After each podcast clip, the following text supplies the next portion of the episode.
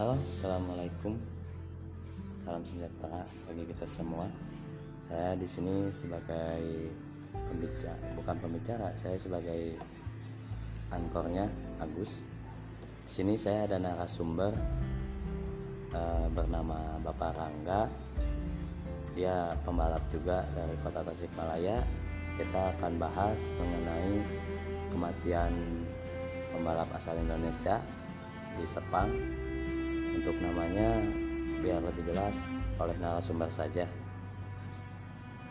oke Assalamualaikum selamat malam Bapak Rangga Malam Bapak Agus. Eh, bagaimana Pak menurut Pak Rangga itu tuh eh, mengenai kejadian kemarin itu seperti apa itu? Eh, melihat kronologisnya dari film-film atau cerita-ceritanya gitu gimana Pak Rangga? Mungkin almarhum itu pas di jalan itu gimana ya? Susah diceritakan sih. Kalau menurut saya itu kan menurut kaget. oh kaget ya Jadi pas di lintasan lab satu eh, itu pas habis belokan ya belokan 10 dia belok kaget di depan ada lawan mainnya dia nabrak terjadilah gitu ya. Iya.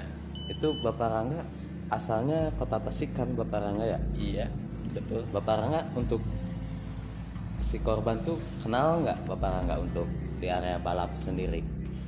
Kalau dia dia di apa di dunia balap terkenal sangat terkenal.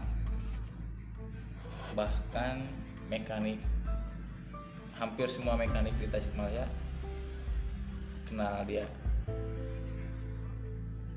kalau s- saya pribadi sih nggak terlalu dekat. Cuma pernah main bareng satu bengkel. Itu juga di bengkel teman. Tapi udah pernah ketemu lah gitu intinya ya? Pernah ketemu. Pernah ketemu. Nah sebelum ngebahas ini nih kita awali dulu. Pertama ketemu tuh dia tuh orangnya seperti apa tuh almarhum? Asik, asik baik. Terus eh,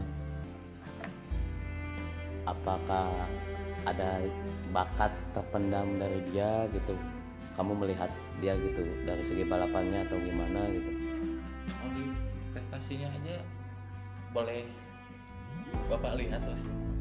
Dia banyak prestasi. Tentu dia di bakat main balapnya itu sangat bagus. Berarti gitu ya. Terus eh, saya mau bertanya lagi nih bapak.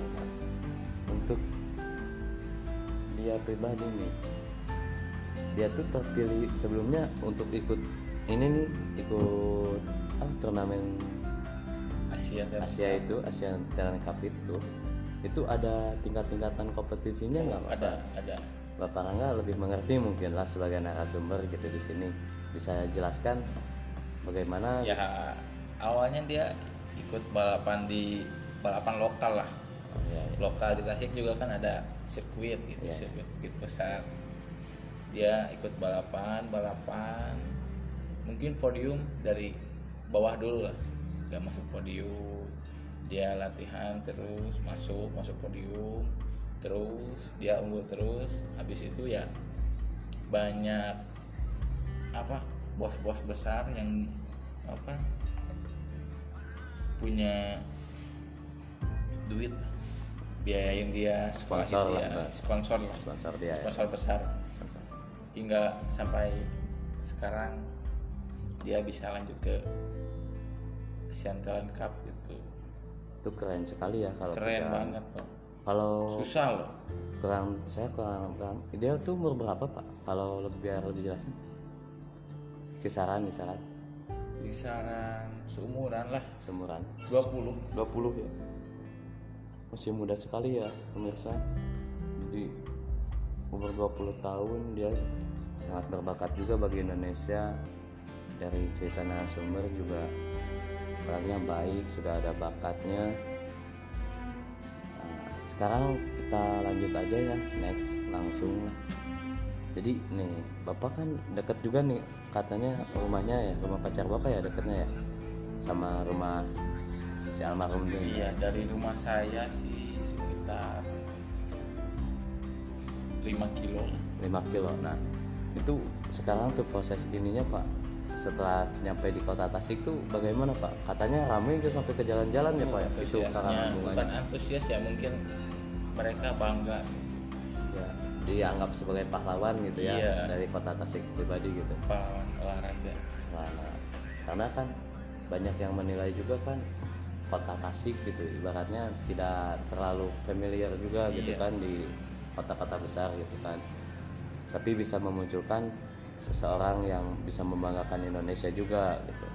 Dan tapi ada takdir lain yang memungkinkan dia untuk lebih dulu meninggalkan kita kita semua. Padahal kalau dilihat dari prestasinya dia bagus sekali ya. Bisa. Kalau ya mungkin Tuhan berkehendak lain kalau misalkan dia masih ada bisa melanjutkan sampai ke jenjang yang berikutnya lebih tinggi. Sampai MotoGP pun bisa. Karena bakatnya emang keren juga ya Pak. uh sangat luar biasa. Mantap. Masya Allah itu benar-benar. Jadi hanya itu cuplikannya. Semoga hanya ini aja sih sebenarnya cuplikan dari narasumber. Karena narasumbernya juga banyak kegiatan. Jadi saya hanya bisa sebentar. Terima kasih thank you